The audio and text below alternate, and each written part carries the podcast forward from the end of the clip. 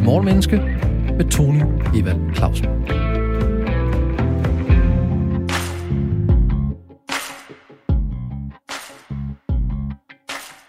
Det, der føles som slutningen, er ofte begyndelsen. 2021 er slut lige om lidt. Et år, hvor coronapandemien kastede en bred skygge over verden og vores liv, privat og på jobbet. Vi skulle forholde os til, hvad der er sandt og hvad der er falsk i forhold til valget i USA, mink, rigsretten, sms'er, vacciner og restriktioner. Et år, hvor sexisme, MeToo og undertrykkelse af køn, etnicitet, seksualitet og befolkningsgrupper nu og i fortiden blev emner, der skabte debat. Valg, fravalg, veteraner, bar hud, ære og værdighed, dialog eller det modsatte. Hvad tager vi med os ind i 2022 fra 2021? Hvad kan alt det, der skete i 2021, fortælle os om os selv, adfærd, psykologi og verden? Og kan vi bruge det til noget? Ja, det vil tiden vise. Og måske de næste 50 minutter. Morgenmennesker har sat sig for at gå på efterforskning i nogle af de emner, året indeholdte. Vores ambition er nemlig at gøre os selv og dig gode lytter klogere på 2021, mennesker og adfærd fra morgenstunden. Og så i øvrigt, godmorgen og velkommen til Morgenmenneske. I dag handler Morgenmenneske om ære og omdømme, fordi 2021 gav rig mulighed for, at nogle mennesker, regeringer og virksomheder blev udfordret på deres omdømme og kunne føle, at deres ære var gået for nær. Jeg nævner i flink Mink-kommissionen, Pandora Papers, sygeplejerskernes strække, Jens Dorf, advokater, Mikler og mange andre, der i 2021 blev beskyldt, berettiget eller uberettiget, for noget, de fandt æreskrænkende, injurerende eller til skade for deres omdømme. Hvad er ære, og hvad kan vi bruge det til? Hvad er det at have et godt omdømme? Og hvad gør vi ved vores ære og vores omdømme, hvis det bliver udfordret? Disse og sikkert mange andre spørgsmål kan vi måske få svar på af programmets to filosofiske, fintænkende og fremragende gæster. Her i studiet materialiseret fysisk ved Sasha Emilie Stopa, postdoc ved afdelingen for teologi ved Aarhus Universitet. Hej Sasha. Hej. Og Finn Janning, Ph.D. i filosofi, Master of Mindfulness, debattør og forfatter, og med på en linje fra det smukke Barcelona. Velkommen til, Finn. Tak skal du have. Lad os starte med at definere termerne. Jeg har slået dem op i ordbogen, og der står der, ære det er en personlig værdighed og omdømme, det er betydning 1. 2. Anerkendelse og agtelse udadtil. 3. En hyldest eller en respekt. 4. Ansvar for et vellykket resultat, ros. Og 5. Opgave, begivenhed eller forhold, der opleves som et privilegium. Omdømme derimod bliver beskrevet i ordbog og danske sprog som omverdenens opfattelse af f.eks. en person, en organisation eller en virksomhed. Og det var sådan set bare lige for at få det på plads, at det var det, som ordbogen siger. Det er jo ikke sikkert, det er det, vi kommer frem til her. Og derfor har jeg så et citat til, til jer begge to, og jeg vil starte med dig, Sasha. Du får to citater. Et om ære og et om omdømme, og find, du får så et, der siger begge dele. Så, så på den måde er det mega retfærdigt. Vi starter med det om ære. Walter Lippmann har angiveligt sagt, den har ære, der holder sig til et adfærdsideal, selvom det er ubelejligt, urentabelt eller farligt at gøre det. Hvad tænker du om det, Sasha? Jeg tænker, at her har vi at gøre med den del af æren, der hæfter ved det indre menneske. Altså det, der har at gøre med vores samvittighed, vores indre værdighed. Sådan et æresbegreb, der er opstået øh, i oplysningstiden.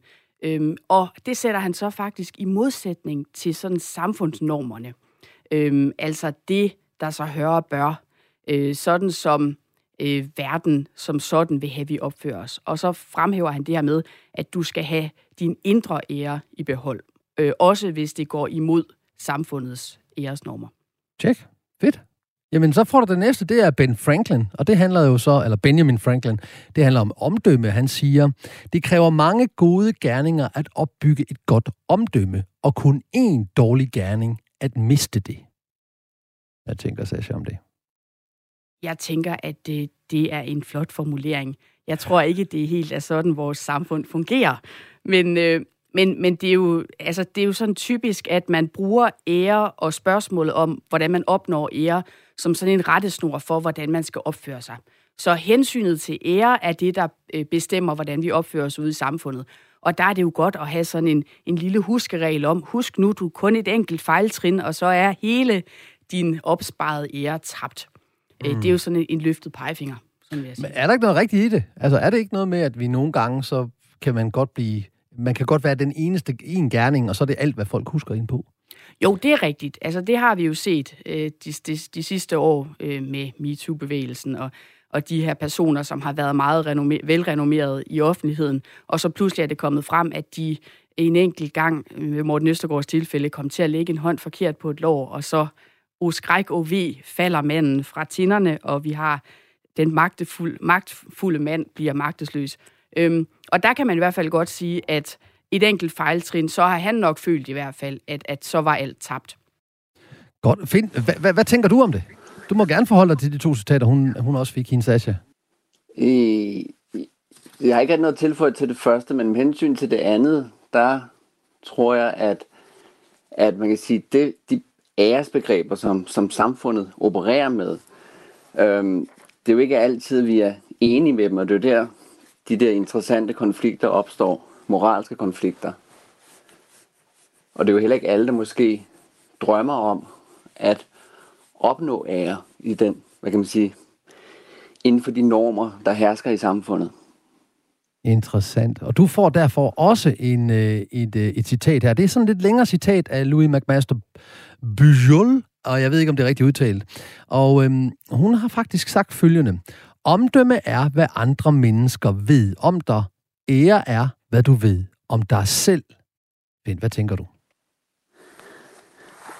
Ja, øh, det er interessant, fordi på den ene side tror jeg ikke, at vi kan opnå sådan fuld selvtransparens. Vi kan ikke opnå fuldkommen selvindsigt.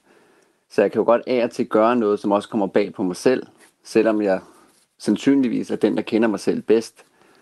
Så det er den ene ting. Øh, men jeg, jeg tror, jeg er enig øh, med hende, at, at det typisk er op til de andre.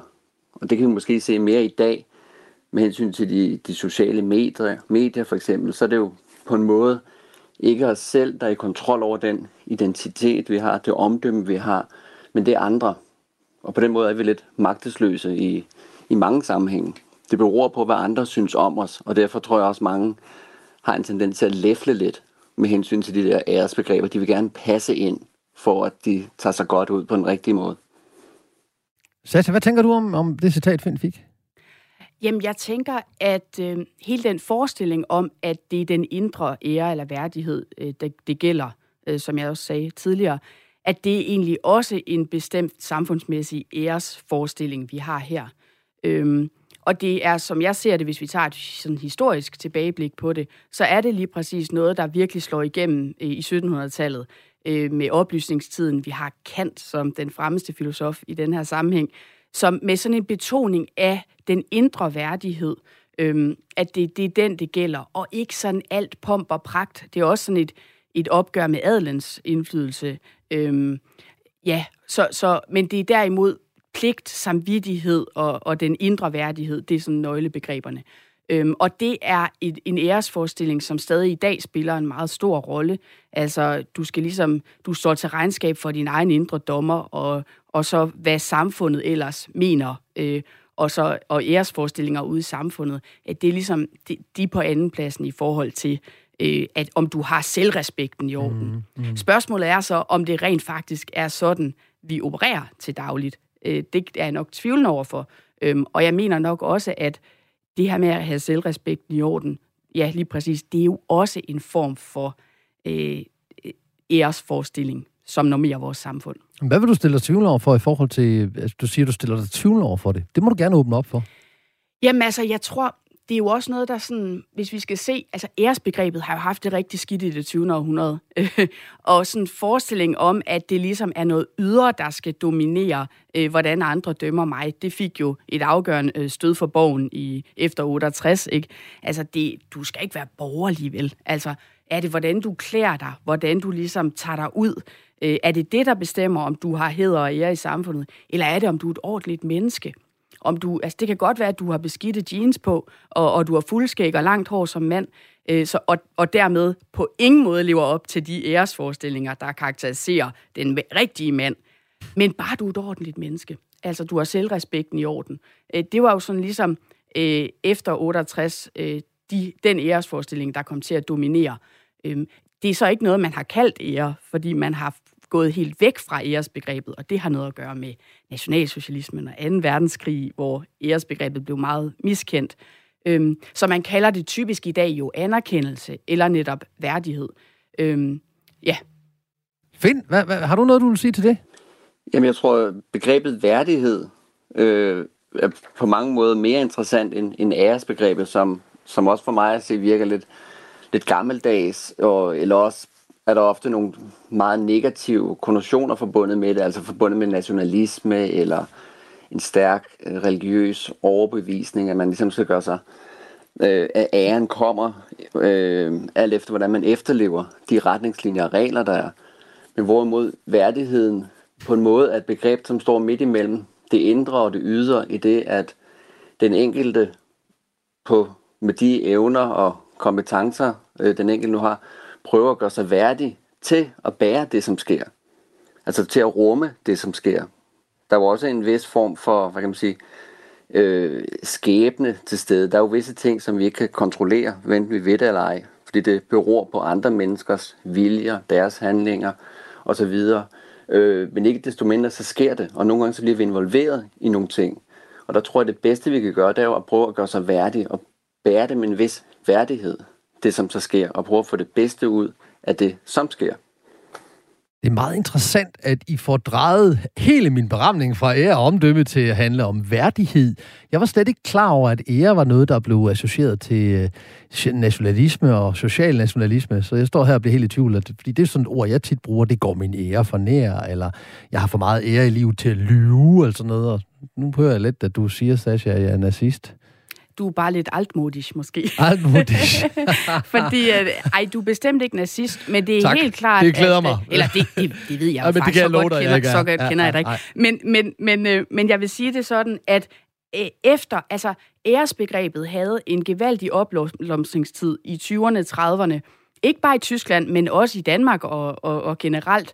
Altså, og der blev det jo så meget koblet til det der med folkets ære. Altså Blut und Ehre. Blut ikke? Ehre, altså, det er, øh, øh, eller meine Ehre heist trøje, altså min ære hedder troskab. Det var SS øh, slogan. Øhm, og, og, og der blev æresbegrebet meget knyttet til spørgsmålet om race og blod.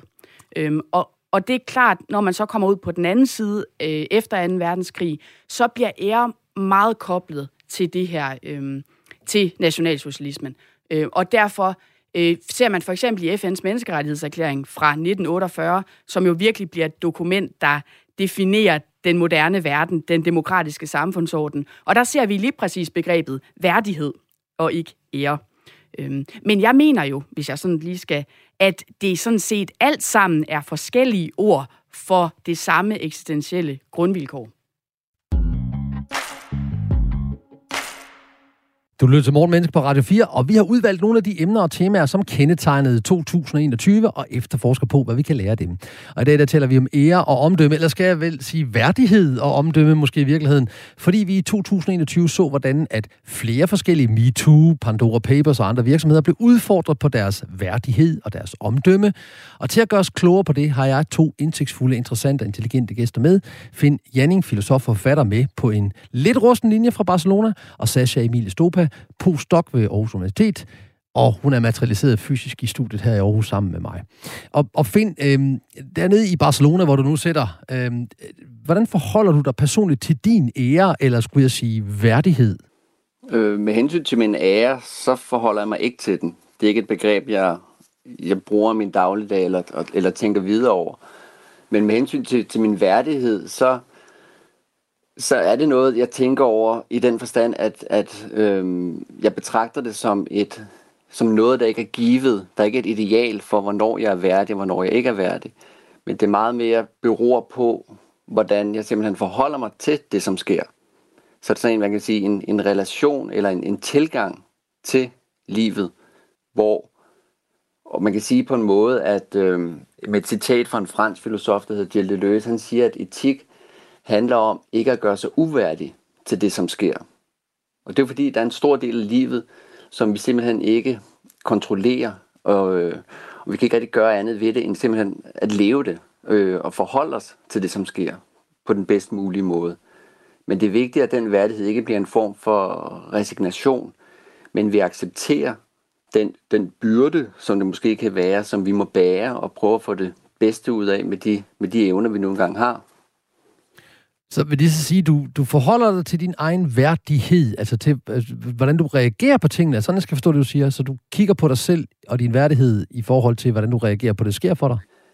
Jamen mere man kan sige, det, det er en form for, at, at jeg har en forestilling om, som er sådan en eksistentialistisk tradition, det er, at, at livet nogle gange adresserer en direkte. Ligesom det, det, det taler direkte til mig. Og på den måde, så er det mit ansvar at respondere på den bedst mulige måde med de evner og de livsvilkår, jeg nu engang har. Og der kunne man bruge begrebet værdighed som en måde at, at, at vurdere på, hvor, hvorvidt jeg gjorde mig værdig til at bære det, som skete. Mm. Eller om jeg afslog det, eller øh, jeg vil lyve om det, eller jeg vil ikke vedkende mig det, som skete. Tak. Sasha, hvordan, hvad med din øh, værdighed, ære? Hvordan, hvordan øh, afkoder og tolker du det i dit liv? Jamen, øh, det bestemmer jo alt. Og det tror jeg, det gør for de fleste af os, hvordan vi opfører os, simpelthen. Altså, når jeg står op om morgenen, så kan jeg godt føle mig lidt uværdig, når jeg ser mig selv i spejlet. og, og, og så skal der ligesom noget til, at jeg føler mig klar til at gå ud i verden. Øh, det vil sige, at jeg tager noget pænt tøj på. Jeg tager også lidt makeup på. Øh, jeg prøver sådan ligesom at gøre mig øh, værdig til at træde ud blandt andre mennesker. Og det er jo lige præcis det, æresbegrebet indfanger, og så kan vi jo tage modbegrebet med for at forstå det er nærmere, nemlig skam. Altså, at ære og skam har at gøre med, at vi godt ved, at andre mennesker kigger på os. Og at vi egentlig lever i sådan et spejlkabinet, hvor vi hele tiden bliver genstand for andre menneskers dømmende blikke, og også for vores eget dømmende blik på os selv. Og derfor har vi brug for at, at, at, at ligesom øh, iklæde os bestemte ting for at stive os af og kunne modstå andre menneskers blikke øh, og med æren i behold, og ikke øh, komme til at, at optræde skamfuldt. Og det er interessant, fordi skam lyder jo religiøst. Altså det er jo sådan noget, der er en højere dom end mig selv, øh, jeg kan skamme over for. Ja, men det, det er jo også noget, vi bare oplever. Altså udskamning, det oplever vi jo faktisk lige nu. Øh, for eksempel, øh, når Mette Frederiksen går ud og øh, udskammer befolkningsgrupper, der ikke lader sig vaccinere. Og vi, vi udskammer jo også til daglig hinanden for dårlig opførsel. Øhm, altså, det er jo en måde at regulere vores liv med hinanden på. Øhm, den, den lille udskamning mm. øh, på kontoret. Eller, altså, når der, det gør vi hele tiden, når folk de opfører sig øh, og bryder med normerne. Øhm, og omvendt får vi jo også social anerkendelse eller ære, øh, når vi gør noget, som øh, bliver forventet af os og lever op til de sociale normer. Det synes jeg er interessant, fordi jeg har sådan på fornemmelsen, uden at vide det, at du måske, Finn, har en anden holdning til skam op mod værdighed. Øh, ja, det har jeg. Jeg mener, at begrebet skam i sig selv er problematisk, fordi det, det orienterer sig så mod nogle ydre kriterier, nogle ydre normer, at hvis jeg nu gør noget, som jeg måske ikke selv mener lever op til min, min egen standard, så er det jo min egen, hvad kan man sige, moralsk kodex eller min egen moralske værdier. Men fordi at det måske ikke falder i god smag hos flertallet, så er det ikke ens betydende med, at jeg vil skamme mig. Der tror jeg, at skam, desværre, det er jo sådan en, hvad med sådan en eksistentiel grundklang, en virkelig stærk følelse eller karakter, der, der, der kan træde frem. Øh, Sartre og Simone de Beauvoir taler nogle gange om, at vi skammer os, når vi opdager, at vi bliver ligesom gjort til en ting. Vi bliver et objekt for andre, bliver jagtet. Det minder lidt om det, øh, Sasse så, så siger. Men jeg tror, den måde, vi desværre forstår skam på i dag, det er i lyset af nogle idealer. Og det vil så sige, at skam øh, bliver tæt forbundet med det, vi normalt så kan kalde øh, status. Det vil sige, at hvis jeg mister min status, den status, jeg kan have på baggrund af min magt, mine kompetencer eller min moralske opførsel, den kan måske lide last, og fordi den lider last, så vil jeg skamme mig.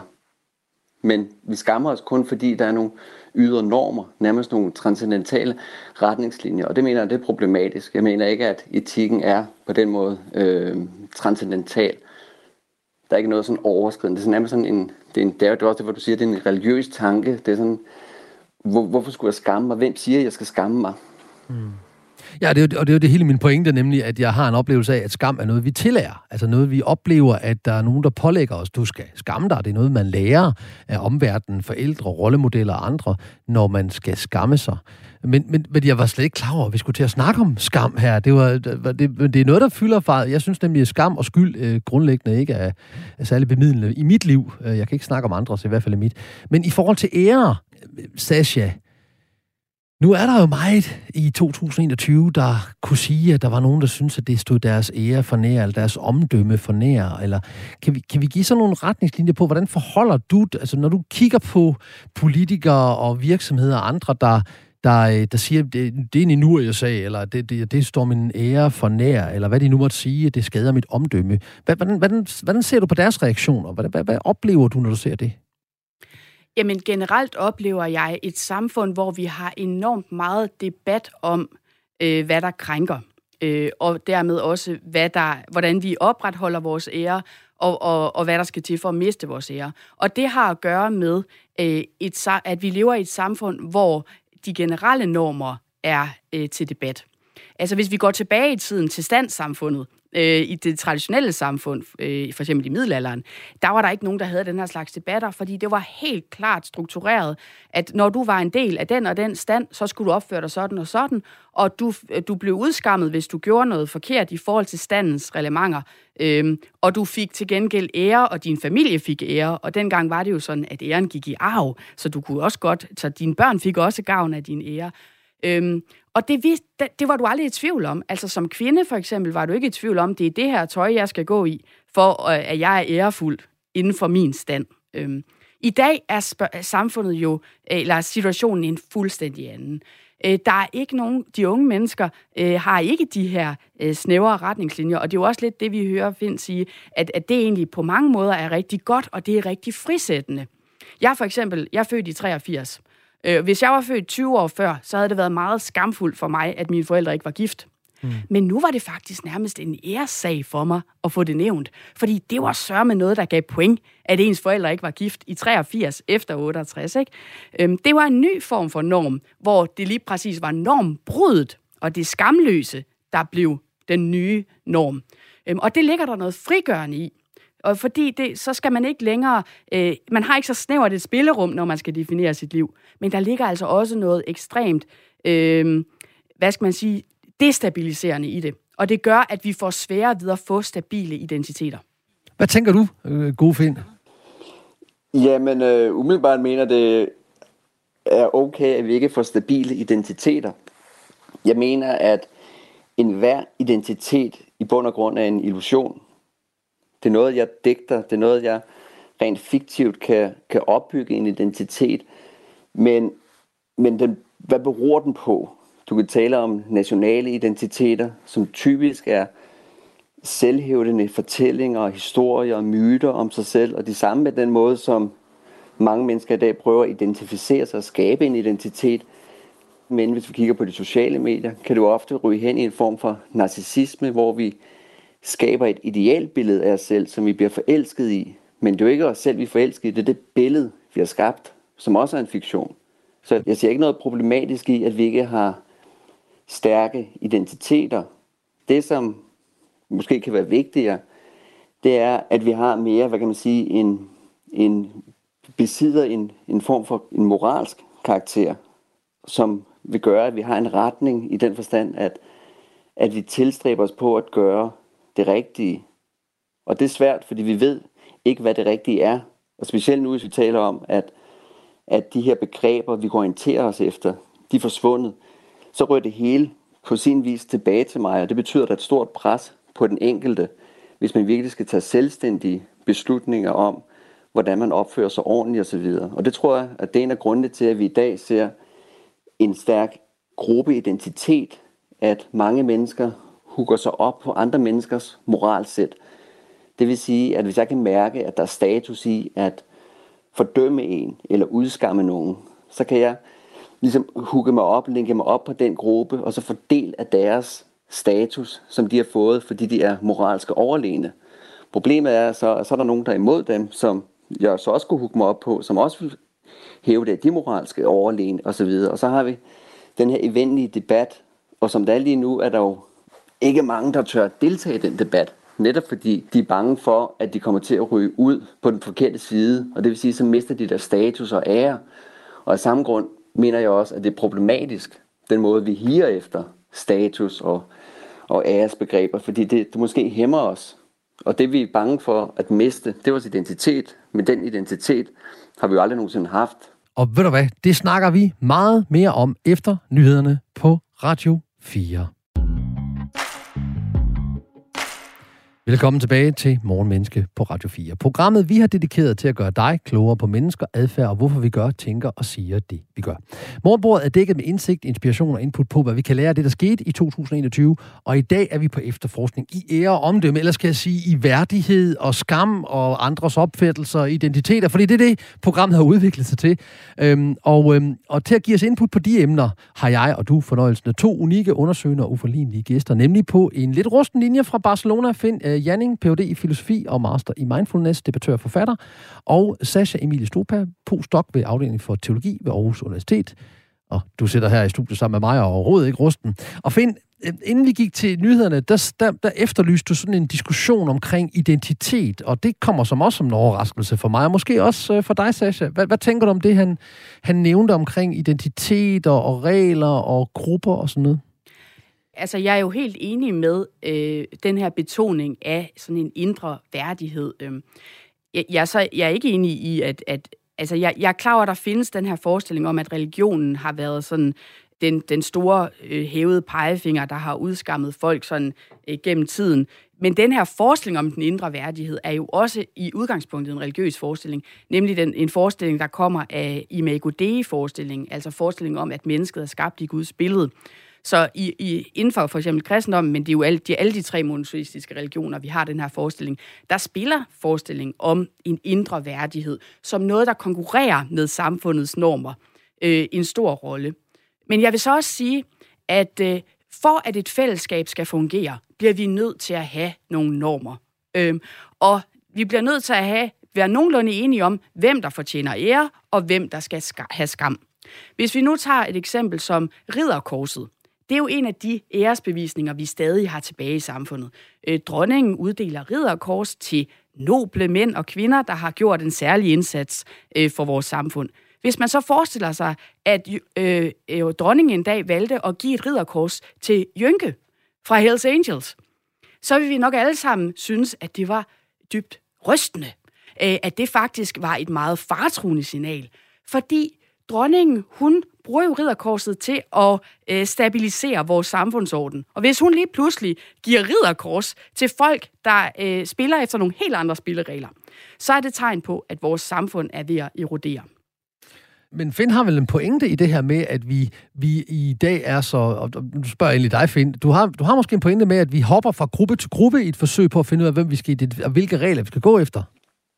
Ja, det tror jeg nu øh, primært fordi, at der kan være stor status og prestige forbundet med at tilhøre den gruppe, som PT virker moralsk overlegen. Når jeg siger det med, at, vi ikke, at identitet er en illusion, det er jo, at, at der er mange, der tit forveksler hvad kan man sige, et tilhørsforhold. Så rent sociologisk, så laver sociologer og marketingsundersøgelser kasser, hvor de propper folk ind, hvor gamle du er, hvad hudfarve du har, om du er religiøs, din seksualitet osv. Men det, det tilhørsforhold er der så nogen, der forveksler med en identitet, som nu at alle med en sort hud skulle have samme identitet, eller alle, der er kristne, skulle have samme identitet osv. Og det er selvfølgelig en fejl, fordi hver menneske er jo ret nuanceret og fuld af komplekse tanker og idéer, plus verden af det. Øh, så allerede der er det øh, problematisk. Så den anden ting med, med vi taler om, om de ordner, som, som dronningen giver, det er jo typisk sådan et samfund, vi, vi, vi gerne vil ordne ting. Det er fordi noget af det værste for os mennesker, det er at miste øh, kontrollen. Vi bryder os ikke om kaos, så derfor søger vi hele tiden ting, der kan ordne det. Og det er jo også en, en form for orden, hun, hun skaber. Hun prøver at skabe. Så kan man så diskutere, om det, om det virkelig er den form for orden, vi gerne vil have. Og hvad så med de mennesker, som ikke er interesseret i de priser, hun, hun uddeler? Øh, mm. Kim Larsen, han ja. blev tildelt en, men vil ikke modtage den. Men han har på mange måder været måske mere betydningsfuld end nogle af dem, som har modtaget prisen. Sasha? Altså, Kim Larsen, han var jo godt klar over, at det ville øh, få alt hans ære til at, at forsvinde fra den gruppering, han tilhørte, hvis han tog imod et ridderkors. Og tværtimod, han gik jo faktisk ud med sådan et offentligt brev, hvor han, eller han offentliggjorde i hvert fald sit brev til dronningen, ikke? hvilket jo siger, at det ikke bare var et privat anlæggende, et spørgsmål om hans indre værdighed, men det var også noget, han var stolt af og, og fandt ære i, at han faktisk afslog ridderkorset. Så det at afslå et ridderkors, og dermed stille sig i opposition til den øh, samfundsorden, som dronningen øh, symboliserer, er jo også en måde at opnå samfundsmæssig social anerkendelse på, og blive en held inden for det segment, som Kim Larsen nu blev en held indenfor. Vi, vi, jeg synes, vi har været vidt omkring sådan i begreberne her. Vi er gået virkelig, det har været øh, på den høje navle af sådan abstraktionsevne, vi har her. Lad os prøve at blive helt konkrete. Jeg bliver beskyldt for noget, eller min virksomhed bliver beskyldt for noget, eller Radio 4 bliver beskyldt for noget, eller og der er måske, det er måske rigtigt, det er måske, ikke, det er måske ikke rigtigt, det er sådan set lige meget. Men øh, hvad kan vi i den sammenhæng, og det er til dig, Finn, hvad kan vi i den sammenhæng rent praktisk bruge øh, ideen om omdømme til? Det er, det er jo noget, der bliver betegnet af dem omkring os. Hvad, hvad, hvad, hvad pokker praktisk hjælper os? Kan du give os nogle praktiske hint, sådan gode guides til at forholde os til vores eget omdømme, og til den ære, der vi må synes, eller værdighed, der vi synes, der er behæftet med, hvordan andre siger og tænker om os? Jamen, man kan jo sige, den omdømme, som der er på spil her, er, den er indlagt et, et større, hvad kan man sige, paradigme eller orden, en ting, som ligesom skal ordne samfundet. Og det er jo i høj grad, hvad kan man sige, kapitalismen for eksempel. Det vil sige, at hvis din radio, som du arbejder for, lige pludselig mister sit omdømme, så er det jo rent og skær, det er penge, der er på spil. Fordi I føler jer økonomisk presset, I måske mister sponsorer og lytter osv., at den status, der er forbundet med at lytte til jeres radio, jeres programmer, eller købe produkter for en bestemt virksomhed osv., er, er i fare. Og på den måde kan man sige, så, så, så handler det jo i, i høj grad om, om kroner og øre, og ikke om, hvorvidt ledelsen i radioen er dydige, at de har en fortrinlig karakter, at de, de bestræber sig på at tage de rigtige beslutninger, om de har en, en bæredygtig tankegang, om de har nogle værdier, som de prøver at efterleve, den måde de øh, bekymrer sig om deres medarbejdere osv. Det er ren og skær profit, og på den måde, så, så bliver det omdømmebegreb jo ikke i den forstand synderligt inspirerende. Det er så korrekt. Altså, Radio 4 er stationeret. Vi har pengene de næste otte år, I kan ikke gøre en skid ved. Altså, I kunne sådan set, hvad som helst kunne ske, øh, lidt ligesom Radio Loud. Øh, altså, der er ikke noget at gøre, eller 24-7, eller hvad det nu skal hedde. Men mit pointe er egentlig bare, at derfor kan det jo stadigvæk godt være en oplevelse af ledelsen i den her radio, at vi har et omdømme. Og man har faktisk gjort det på, på nogle af de kopper, der er i vores, øh, i vores studio. Der kan vi se, øh, hvad andre har sagt om os. Der er sådan citater, øh, sådan, du ved, lokal radio på speed, eller det er ikke nærliggende at snakke om porno i en sauna og sådan ting. Så der har man sådan taget det, andre har sagt, og brugt det helt fysisk på kopperne. Og det må være, fordi man har en, et forhold til sit omdømme, som er noget andet end profit, øh, find. Det bliver, det bliver nødt til at forholde dig til. Ja, i bund og grund mener du ikke, det er fordi, at radioen søger en bestemt identitet. En, som har lidt kant, og en, som tør tale sex, og der er hurtigt snakkende osv., som giver den en, en identitet, som kan adskille den fra de andre. Det vil sige, at det omdømme er også relateret til identiteten. Mm. Men i sidste ende handler det jo om at få lyttere. Ja. Og så handler det jo også om, at I som medarbejder skal føle, at I arbejder et sted, som har en særlig profil, en særlig identitet, så det faktisk gør en forskel, om du arbejder den radio eller en anden radio. Ja, okay, det, det overgiver mig. Det argument Men der har sikkert også til. været nogen, der har sagt nogle negative ting om radioen. Hvorfor er det ikke dem, de har sat på kaffekopperne? Ja, det har de faktisk også, øh, og nu kan jeg ikke lige finde den øh, her, men der er sådan noget med, hvad var det, lokal radio på speed, super hurtigt lokal radio på speed, og sådan noget, som jo i virkeligheden er det modsatte er jo fedt, men det har man så taget op og ophøjet fra ledelsens side og brugt som overskrift på nogle af kopperne. Lokal radio på statsfinansieret speed står der simpelthen på koppen her. Men du, jeg overgiver mig til dit argument, men, men man har faktisk taget også noget af det mest negative, der er blevet sagt om vores radio, og, øh, og, og gjort det til noget, man skriver på kopperne. What, what, Sasha? Hvad sker der? Hjælp os. Jamen, nu sidder jeg bare og tænker på, om det er dårligt for mit, mit, mit omdømme at være med her, men, men, øh, men det er jo lidt for sent at overveje det, kan man sige. Øh, nej, nej. Øh, nu altså, du kan jo lave det der med, de lavede på Radio 24 men du kan bare gå midt i et interview, og så kan man bruge ja. det til noget. Det var der jo en, der gjorde. Ja, så, dog, kan, ja, så hvad gjorde det ved han? Mi, øh, hvad gjorde det ved, min ære. Ja, hvad gjorde det ved hans omdømme? Nå, det hjælper lidt. Jamen, find, altså, find, jeg overgiver mig til Finds argument til dels. Ja, Ja, jeg, nu jeg, jeg er opdraget af en marxist, men jeg er ikke selv marxist. Og jeg mener ikke, at alt er, øh, er øh, sådan set nødvendigvis øh, storkapitalens skyld. Men, men, øh, men det er helt klart, selvfølgelig er der da et, øh, fra firmaets side et, et bekymring for omdømme på grund af bekymring for mistet indtjening. Det er helt sikkert. Altså, Hegel var jo en af de første filosofer, eller den første filosof, til for alvor at tage ære eller det, han kalder anerkendelse, alvorligt som noget, øh, der er helt nødvendigt for vores liv med hinanden. Han siger direkte, at vores fælles liv med hinanden er en kamp om anerkendelse. Altså, at når vi, så lige så snart vi træder ud af døren, og ikke bare er os selv derhjemme, så er vi faktisk øh, i kamp med hinanden om at opnå social anerkendelse. Øh, og det er der så en øh, tysk socialfilosof, øh, Axel Honneth, der i, i det 20. århundrede blev meget berømt for at uddybe og udfolde den her teori om anerkendelse. Og han siger, at der er sådan set øh, tre områder, hvor vi i vores liv forsøger at opnå ære eller anerkendelse på. Og det ene, det er i familien eller blandt venner, altså i de kærlige relationer, vi står i. Det andet, det er i sådan juridiske relationer, eller i de relationer, vi har til samfundet som borgere. Det kan være, når jeg stemmer, eller hvis jeg hæver barselsdagpenge, eller hvor jeg bliver anerkendt som en borger i samfundet. Og det tredje, det er så, hvis jeg i kraft af min, øh, mine bedrifter opnår anerkendelse, altså i kraft, hvis jeg nu en dag får Nobelprisen for min forskning, ikke? eller hvis nu der er nogen, der siger, ej, du var skide god, da du var med i Radio 4, ikke? Øh, så får jeg anerkendelse i kraft af de, øh, af de bedrifter, jeg gør som, et, øh, som borger, men, men i kraft af mit erhverv. Øhm, og der siger han, der er ligesom de her tre områder, hvor vi opnår ære eller anerkendelse på. Jeg mener så i dag måske faktisk de sociale medier kunne være et fjerde område, hvor vi øh, forsøger at opnå øh, ære. Øhm, og hvor vi også gør det sådan relativt ublu og skamløst, vil jeg sige. Øhm, det er jo sådan, vi danskere, vi er faktisk ikke så meget for det der med at skulle være, øh, søge alt for meget ære og anerkendelse. Vi synes, det er lidt pinligt. Vi synes, at pralrøve, det er det værste, man kan være, ikke? Og det har nok noget at gøre med janteloven. Men lige præcis på de sociale medier, der er det i orden. Der må vi godt prale. Du lytter til Radio 4 med Morgenmenneske. I dag taler vi om 2021 og ære omdømme, og du og jeg er beriget med to belærte, betryggende og beskrivende gæster til at belyse præcis det emne, og vi har været vidt omkring. Fra identitet til værdighed, til skam, til prestige, til omdømme og alt muligt. Og de to gæster hedder Sasha Emilie Stopa, postdoc ved Aarhus Universitet.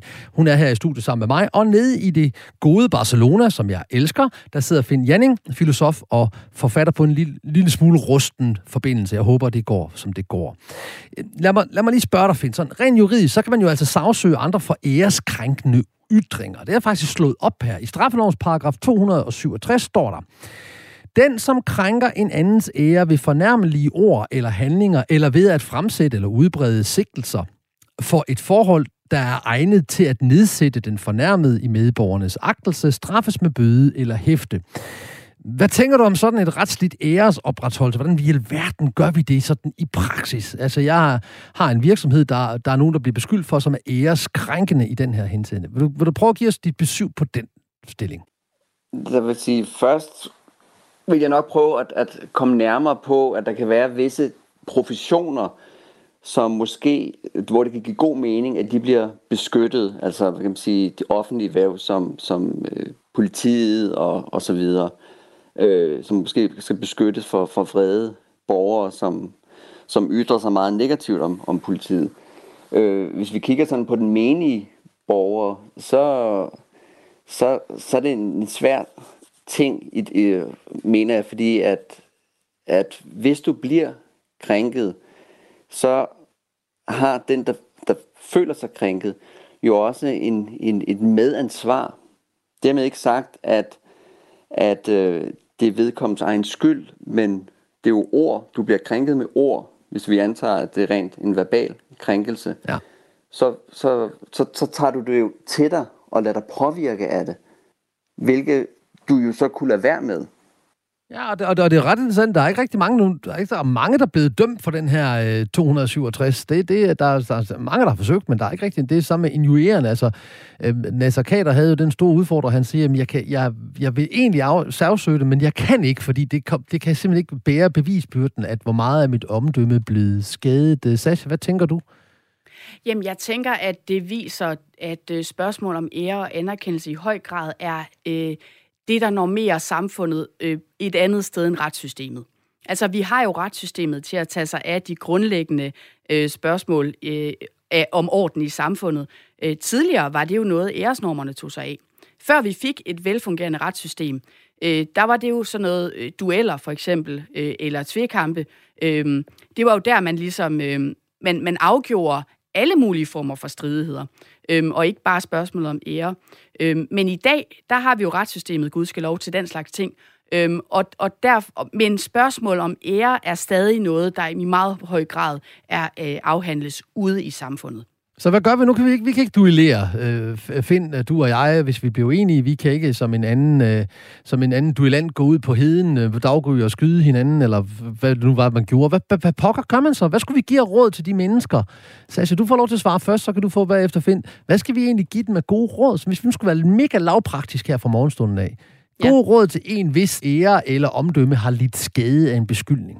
Ja, det kommer jo selvfølgelig an på, om du selv øh, betragter dig som øh, skyldfri lad os, eller lad os, skyldner. Lad os antage, at du er skyldfri. Ja, den er vanskelig. Øhm, fordi der er jo sådan set ikke andet at gøre, end som Jesdorf og bare forsøge at afværge anklagerne. Øhm, jeg vil sige, det er faktisk øh, nogle gange en bedre strategi at tage skylden på sig. Også selvom man... Hvis vi nu tager en figur som Morten Østergaard. Jeg tror faktisk i udgangspunktet, at han er, øh, det ved jeg selvfølgelig ikke, men at han har været lidt overrasket over de situationer, fordi han har måske betragtet normerne som lidt nogle andre. Vi var i festligt lag, og det jeg gjorde var egentlig bare det, man gør i festligt lag. Sådan tror jeg, han har tænkt det, øh, uden at vide det. Øh, men lige pludselig får vi altså øh, nogle andre normer i samfundet, som øh, eller der er nogle, hvad skal man sige, pludselig går det op for ham, at de her piger, som var meget yngre end ham, og måske var i en lavere magtposition, faktisk har følt sig krænket. Jeg tror, Morten Østergaard, ikke for at tale hans forsvar, men faktisk ikke rigtig har været bevidst om den magtposition, han var i, og det kan man jo så undre sig over. Øhm, men hvad gør han? Ja. Han siger, undskyld. Også selvom der ikke er noget at skylde ondt for? Jamen, selvom han måske i udgangspunktet øh, er overrasket over anklagen, så siger han undskyld, fordi han godt kan se, at her er nogle normer, der gælder, som jeg har forbrudt mig imod, som jeg ikke var bevidst om, men som jeg har forbrudt mig imod. Hvis vi skal tage et andet eksempel, det modsatte eksempel, så har vi jo Frank Jensen. Han øh, har forbrudt sig mod de samme normer, da han slikkede Annette Haik i øret, blandt andet. Øhm, det er også kommet bag på ham. Øh, han troede, at når man var i festlig lag, kunne man godt slikke forskellige damer i øret. Og Frank Jensen, han vil ikke ligge sig ned. Han vil ikke sige undskyld. Han mener, det er en klapjagt, der foregår i MeToo. Det er en anden strategi. Hvem kommer bedst ud på den anden side? Øh, jeg vil gætte på, at det faktisk er Morten Østergaard, fordi han øh, tager skylden på sig, og dermed øh, faktisk øh, accepterer den vandære, som han bliver øh, pålagt, øh, men dermed også faktisk har mulighed for at transformere sig og komme ud på den anden side med æren i behold. Ja, og det var ret interessant at finde. Du, du, du skal have lov til at svare på det her. Jeg vil bare lige gøre opmærksom på, at en af grundene til, at han faldt, var jo, at han holdt det hemmeligt, at det var ham. Altså, han har haft en personlig mm. samtale med den, det handlede om, hvilket var ham selv. Ja. Og det er, jo en for, det er jo en forstillelse, hvor det lyder, som om det var en anden. Så det var også lidt det, han faldt på. Men lad os bare tage Frank Jensen som et godt eksempel. Men, men, men find, vi starter med skyldfri. Hvad vil dit råd være til vores lyttere, der bliver beskyldt for noget, de er skyldfri på? Det vil jo prøve at fortælle, hvorfor de gjorde, som de gjorde. Det vil sige at begrunde deres handlinger, sige hvilke overbevisninger og øh, vaner og så videre, der, der lå bag det. Og der mener jeg, så hvis så en som Morten Søndergaard bagefter går ud og undskylder, så gør han det selvfølgelig, fordi han er under pres. Det er ligesom virksomhed, der gør det. Han vil gerne tilbage og lave noget karriere og redde sit omdømme. Men det han skulle undskylde for, jo ikke hans dårlige opførsel. Han skulle mere undskylde for, at han ikke har været bevidst om det, han har gjort. Altså en helt fundamentalt har vi et menneske, som agerer med andre mennesker, som handler med andre mennesker, men slet ikke er bevidst om, hvad han gør. Og det handler ikke om, at normerne er ændret sig. Det handler om, at han måske kunne have været opmærksom på, når han så har taget på nogen, eller sagt noget til nogen, at han i den specifikke situation slet ikke var opmærksom på, hvad det var, han gjorde, hvordan den anden reagerede, før han mange måneder bagefter fået at vide, at ja, moralen er ændret sig osv. Så den undskyldning, han kommer med, mener jeg ikke øh, øh, på nogen måde styrker hans, hans fremtidige karriere mere end, end, end Frank Jensen, som, som har undladt det. De, de fremstår begge to som lidt, nogle lidt, hvad kan man sige, som nogen, som stadigvæk ligger og, og slikker deres øh, sorg, øh, og som er kede af det, men de er mest kede af det på egen vej. De er ikke så meget kede over, at de har måske krænket andre mennesker, men de er mest kede af, at de har mistet ære, omdømme, og de har mistet status.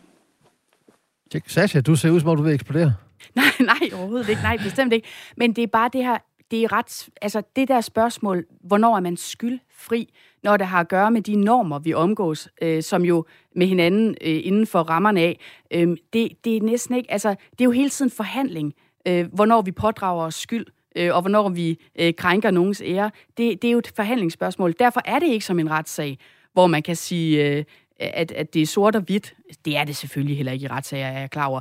Øhm, men, men det er i hvert fald mere sort og hvidt, ikke? Har du gjort det, eller har du ikke gjort det? Sådan er det ikke i spørgsmål om, øh, om æreskrænkelser.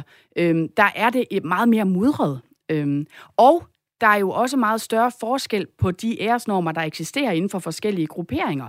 Noget, der kan være helt i orden for Morten Østergaard at gøre øh, blandt sine private venner, er helt forkert at gøre, når han er i en arbejdsmæssig sammenhæng øh, med folk, som han øh, står over i hierarkiet. Og der tror jeg, at at bevæge sig mellem de der grupper, øh, det er nogle gange noget af det, der udfordrer øh, og gør, at vi, at vi øh, krænker, fordi vi ikke forstår øh, eller ikke har gjort os bekendt med. Eller, altså, jeg er da helt enig i, at det er ikke for overhovedet at gøre ham til en eller anden...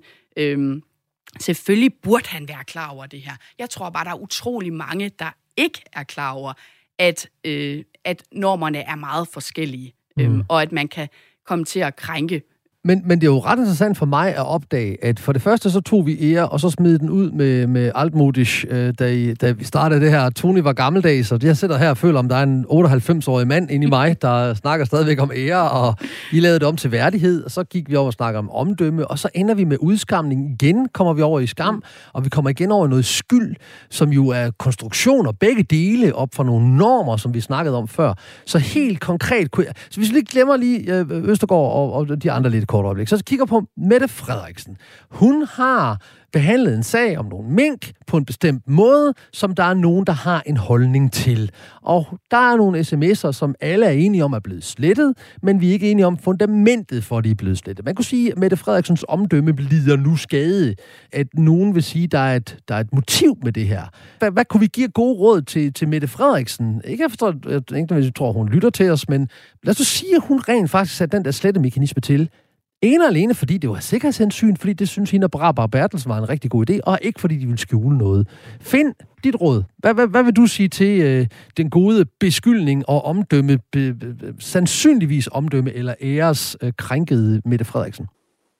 Jeg vil spørge hende, hvilke værdier hun leder efter som statsminister. Hvad det er et, et for værdigrundlag, hun har. Og så når hun har præciseret de værdier, hvordan hun forstår de værdier, så vil jeg håbe, at hun kunne argumentere for, at den øh, sletning af de her beskeder ligger i forlængelse af de værdier.